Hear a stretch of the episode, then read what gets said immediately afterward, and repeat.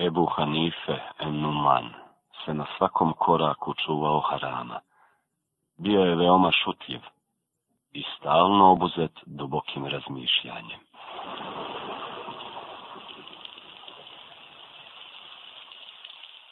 Ovo je priča o Ebu Hanife Numanu. Ebu Hanife je bio čovjek izuzetno lijepog lica privlačna izgleda, riječiva jezika, srednjeg rasta, ni previše visoka, ni previše niska. Lijepo se nosio. Uvijek oblačio elegantnu odjeću. Izgledao vedro i privlačno. Puno se mirisao, tako da ga je po mirisu svijet prepoznavao i prije nego bi se pojavio. Takav je bio Numan ibn Sabit ibn Merzuban, poznatiji pod nadimkom Ebu bio je prvi koji je otvorio čaške fikha i iz njih povadio mirisne plodove. Zapamtio je nekoliko posljednjih vladara iz dinastije Mevija i prvih iz dinastije Abasija. Živio je u vremenu kada su vladari i namjesnici ljude od znanja i pera zasipali bogatim darovima, tako da im je obskrba, odakle se nisu ni nadali, dolazila sa svih strana. Međutim, Ebu Hanife je bio isuviše plemenit i ponosan da bi uz sve znanje kojim se isticao sebi mogao dozvoliti da se izdržava i živi na taj način. Zato je od samog početka odlučio da živi od rada svojih ruku i da svojom rukom radije daje nego uzima. Jednom prilikom Halifa El ga je pozvao u posjetu kod sebe, pa mu je kada je došao izrazio dobrodošlicu, ukazao najveće poštovanje, pokazao mu da sjedne pored njega i neobično se dugo sa njim zadržao u razgovoru postavljajući mu mnogobrojna pitanja vezana za vjeru i ovaj svijet. Pri polasku kući, iako je bio poznat po svojoj škrtosti, Elmensur mu je pokučio kesu od 30.000 dirhema, ali ih je Ebu Hanife izbjega uzeti, pravdajući se riječima. Vladaru pravovjernih, znaš da sam u Bagdadu samo kao prolaznik, i da ih nemam gdje ostaviti, a bojim se da ih sa sobom nosim. Najbolje bi bilo da ih zadržiš u državnoj blagajni, a pa ako mi zatrebaju, ja ću ih zatražiti. Mensur je pristao i postupio po njegovoj želji. Međutim, Ebu Hanife nije bilo suđeno da živi dugo poslije toga. Kada je umro, u njegovoj kući nađen je višestruko veći iznos jer su ljudi u njega imali povjerenje, pa su svoje ušteđevine ostavljali kod njega na čuvanje. Čuvši zato, El Mansur je rekao, neka se Allah smiluje i oprosti Ebu Hanifi što nas je prevario.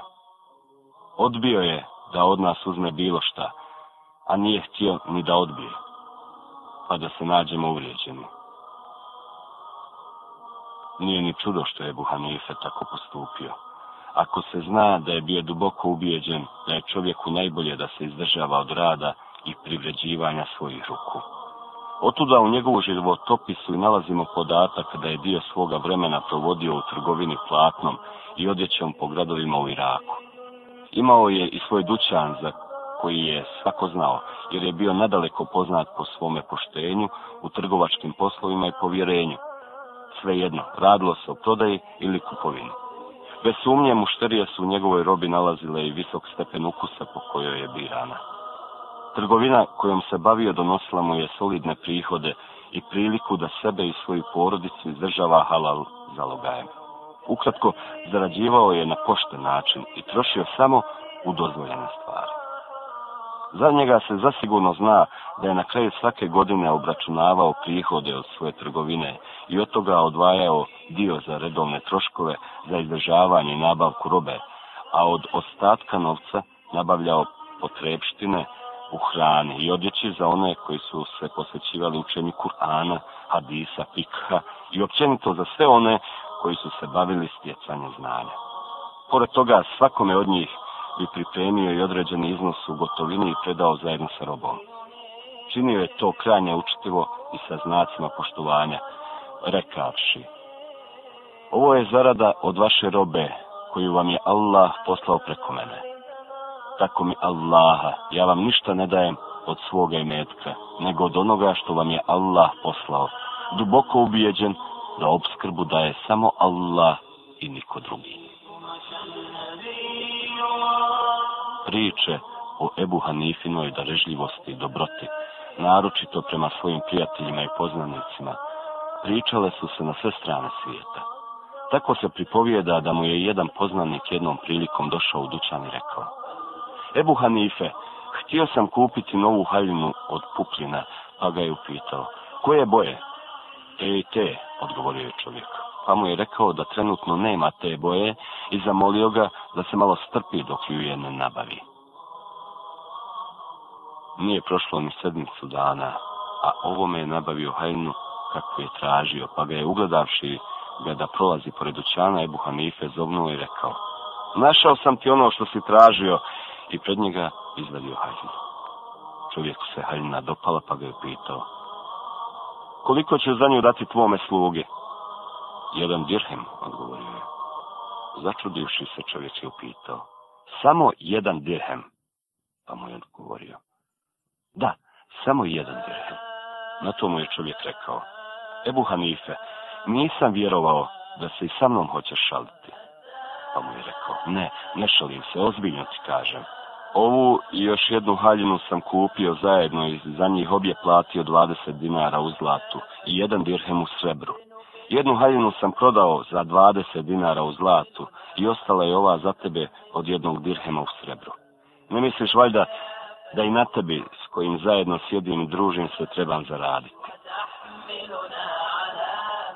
Pripovijeda se također da mu je došla jedna starica da kupi svilenu haljinu i da mu je, kada ju je pokazao, rekla Ja sam starica koja se ne razumije u cijene prodaj mi ovu haljinu po cijeni po kojoj si je ti kupio ili na to dodaj malo zarade jer ja sam siromašna i iznemogla starica.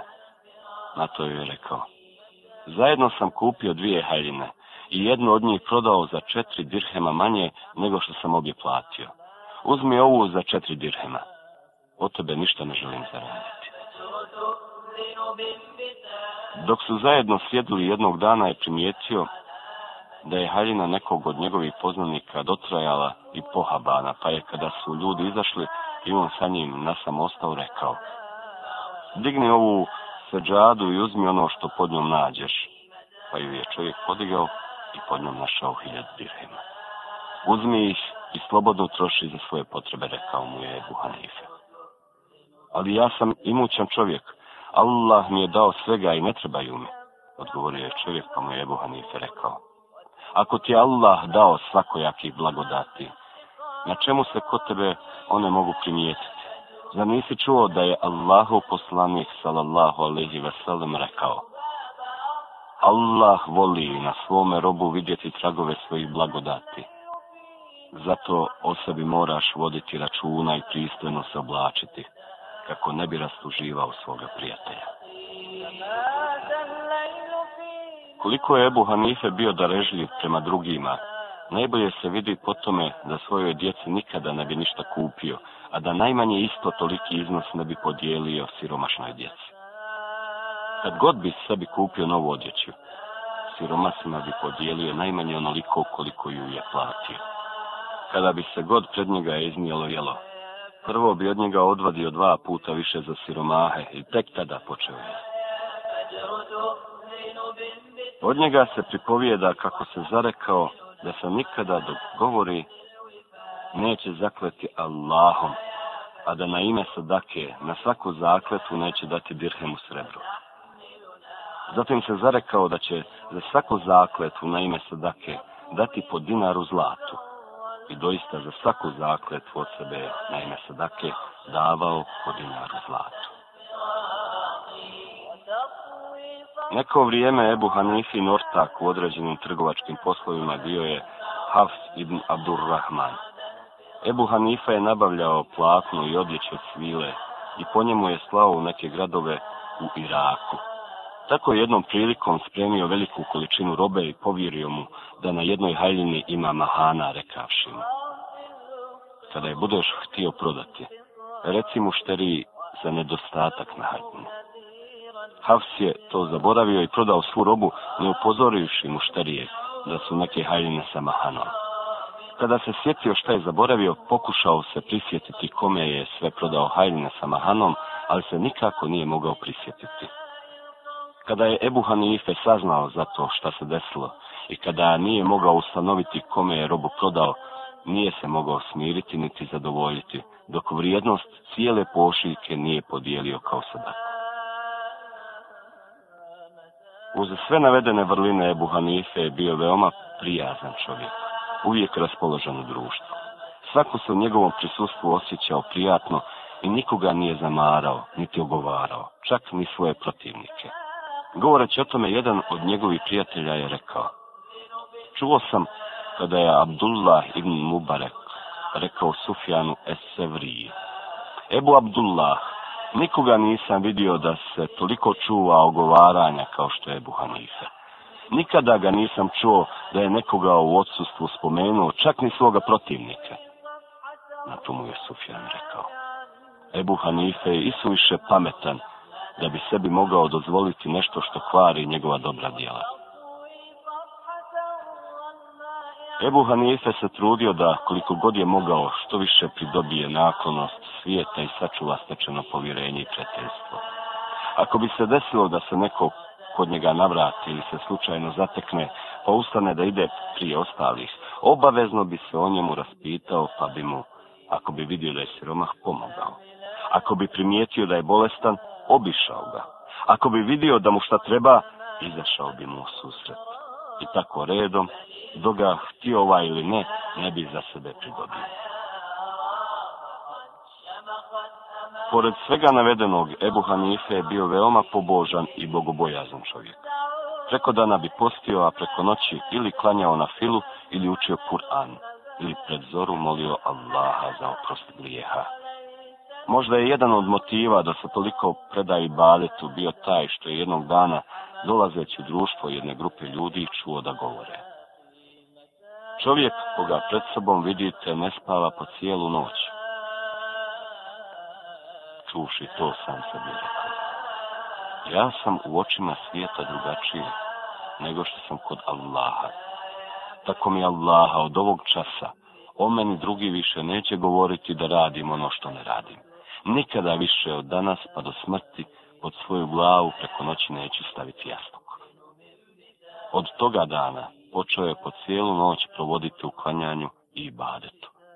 Kada bi pala noć, zemlju obavio mrak i ostali se svijet povukao u toplu postelju, on bi ustao, obukao najljepšu odjeću što ima, počešljao bradu, dotjerao se i namirisao, a onda stao na namaz i počeo klanjati. Pa bi po cijelu noć proveo ili klanjajući, ili učeći Kur'an, ili predan dovi. Vjerovatno se dešavalo da bi po cijeli Kur'an znao proučiti na jednom rekatu ili po cijelu noć ponavljati jedan tisti ajet, jer od njega se prenosi da je znao po cijelu noć ponavljati. Međutim, smak svijeta im je rok, a smak svijeta je užasniji i gorči. Međutim, smak svijeta im je rok, a smak svijeta je užasniji i gorči i u strahu od Allaha plakati, da bi mu se činilo da će mu srce puknuti gušeći se u jecajima, kao da mu je u prsima duša zastala. Za njega se priča da je gotovo punih četrdeset godina sa istim abdestom klanjao, i jaciju i sabah, i da tu praksu nikada nije prekinuo. Te da je na istom onom mjestu gdje ga je zadesila smrt cio, Kur'an proučio hiljada puta.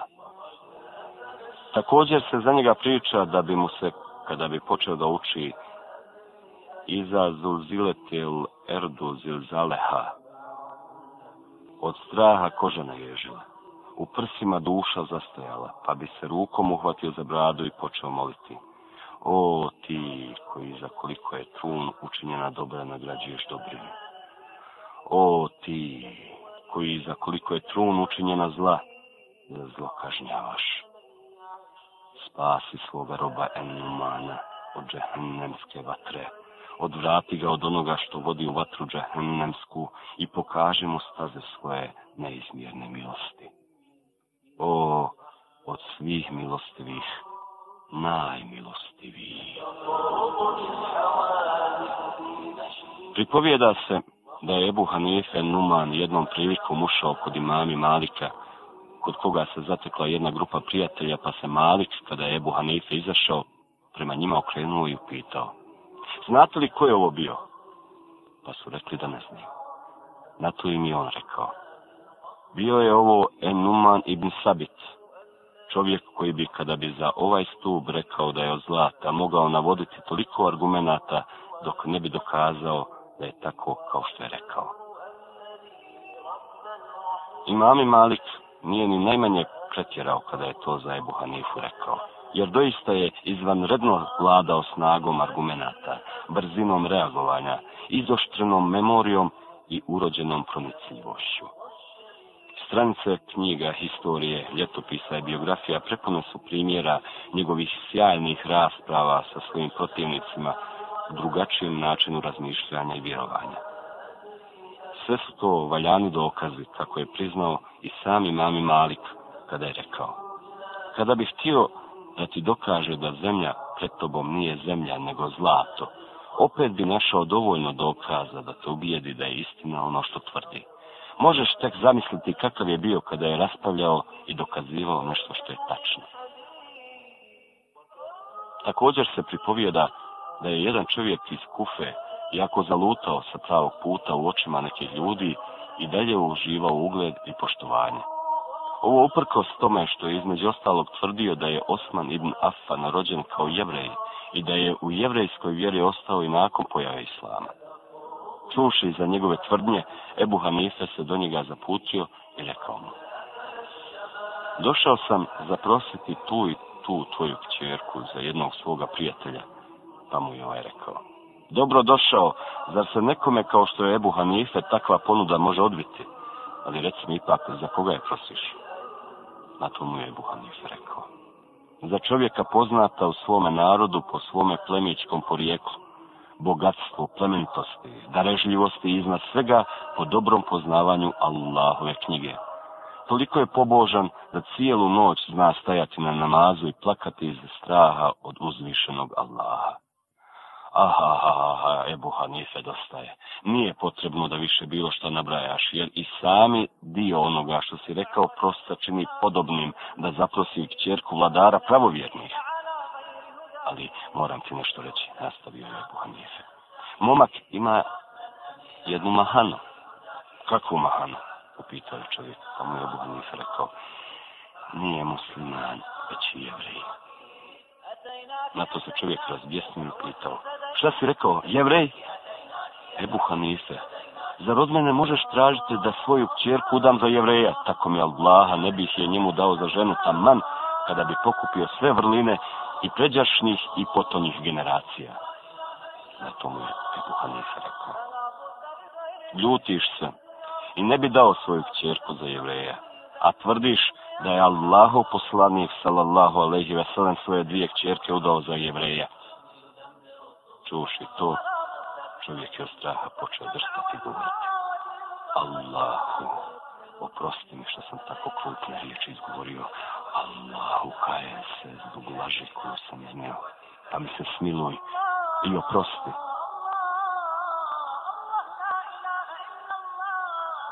Također se pripovijeda da je jednoga dana Ebu Hanisi došao jedan od Haridžija po imenu Eddahak Ešari, i rekao, Ebu Hanife, pokaj se. Pa ga je upitao, a zbog čega da se pokajem? Zbog toga, rekao je, što tvrdiš da je po šerijatu ispravna arbitraža u sporu između Alije i Muavije. Dobro, hoćeš li da o tome ja i ti raspravimo? Upitao ga je Ebu Hanife, pa je Haridžija rekao da hoće. A šta ako se u nečemu ne složimo? Ko će nam presuditi? Upitao je Ebu Hanife. Odaberi koga god hoćeš, odgovorio je Haridžija. Potom se Ebu krenuo, zagledao se jednog Haridžijinog prijatelja koji je sa njim bio i rekao mu. Ako se ne mognemo složiti, onda nam ti presudi. Zatim se okrenuo prema Haridžiji i rekao mu. Ja se slažem da nam presudi ovaj tvoj prijatelj. Slažeš li se ti? Pa se Haridžija obradovao i rekao da slažem. Na to mu je Ebu Hanife rekao. Teško tebi, dozvoljavaš ovome da bude sudija u sporu između mene i tebe, a to isto osporavaš dvojici drugova Allahova poslanika, sallallahu alaihi veselem. Na to je Haridžija, ne mogavši izustiti ni jednu jedinu riječ, ostao kao zaliven. Također se pripovijeda da je Džehm ibn Safban osnivač zalutale sekte Džehmija i sijač tolikog zla širom islamskog svijeta, jednom prilikom došao je Ebu Hanif i rekao, došao sam da sa tobom porazgovaramo o nekim pitanjima koja sam ti odavno pripremio, pa mu je Ebu Hanif odgovorio. Govoriti s tobom je bruka i sramota, a raspravljati sa tobom vatra džehennemska. Na tomu je Džehm rekao. Kako o meni možeš donositi takav sud, kada me do sada nikada nisi sreo, niti moje riječ čuo? Pa mu je Ebu Hanife odgovorio. Čuo sam za neke tvoje tvrdnje, kakve ne može izustiti čovjek koji se prema kibli okreće. Za romeni sud donosiš na osnovu priča čula kazala, upitao je Džehm, pa mu je Ebu Hanife odgovorio. Takve tvoje tvrdnje svima su poznate, kako učenim ljudima, tako i običnom svijetu, pa nema nikakve potrebe da provjeravam njihovu vjerodostojnost i sumnjam da se ih doista izrekao. Na to mu je Džehm rekao. Htio sam te upitati samo nešto o imanu, pa ga je Ebu pitao Zar ti sve do sada nije jasno šta je iman, pa si došao mene pitati? Jeste, odgovorio je samo što u jednom vrstu sumnjam, pa ga je Ebu upozorio. Sumnja u imanu je nevjerstvo, nemaš pravo proglašavati me nevjernikom, dok od mene ne čuješ da sam izgovorio riječ nevjerstva, odgovorio je Džehm, pa mu je Ebu Hanifa napokon rekao, pitaj što hoćeš.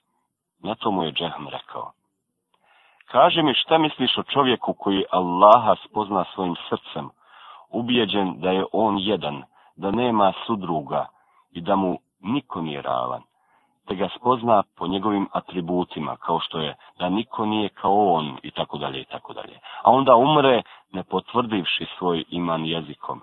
Ili umro kao vjernik ili kao nevjernik.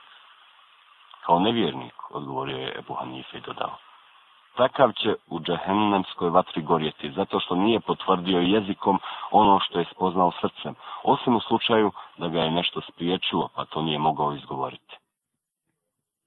Kako to da nije vjernik, kada je Allaha svojim srcem istinski spoznao, upitao je Džeham. Pa mu je Ebu rekao, ako vjeruješ u Kur'an, navešću ti nepobitan dokaz iz Kur'ana, a ako u njega ne vjeruješ i ne prihvataš ga kao valjan dokaz, onda će ti govoriti kao nemuslimanu. Naprotiv, vjerujem u Kur'an i prihvaćam ga kao dokaz, odgovorio je Džeham, pa mu je Ebu rekao. Uzvišeni Allah je kao preduvjet za valjanost imana, naveo vjerovanje srcem i potvrdu jezikom, dakle sa oba, a ne samo sa jednim od ova dva organa. Allahova knjiga i hadisi njegova poslanika obiluju sa nepobitnim dokazima koji to potvrđuju. Tako uzvišeni veli. Kada slušaju ono što se objavljuje poslaniku, vidiš kako im liju suze iz očiju jer znaju da je to istina. Pa govore, gospodaru naš, mi vjerujemo, pa upiši i nas među one koji su posvjedočili. Zašto da ne vjerujemo u Allaha i u istinu koja nam dolazi, kada jedva čekamo da i nas gospodar naš uvede ljudima dobrim? I Allah će zbog onoga što govore kao nagradu džennetske bašće dati, kroz koje će rijeke teći, u kojima će vječno boraviti, a to će biti nagrada za sve one koji dobra djela čine. Dakle, oni su prvo istinu spoznali a potom ju potvrdili svojim jezikom, pa ih je Allah zbog onoga što su rekli uveo u džennetske bašće kroz koje rijeke teku. Uzvišeni na drugom mjestu veli.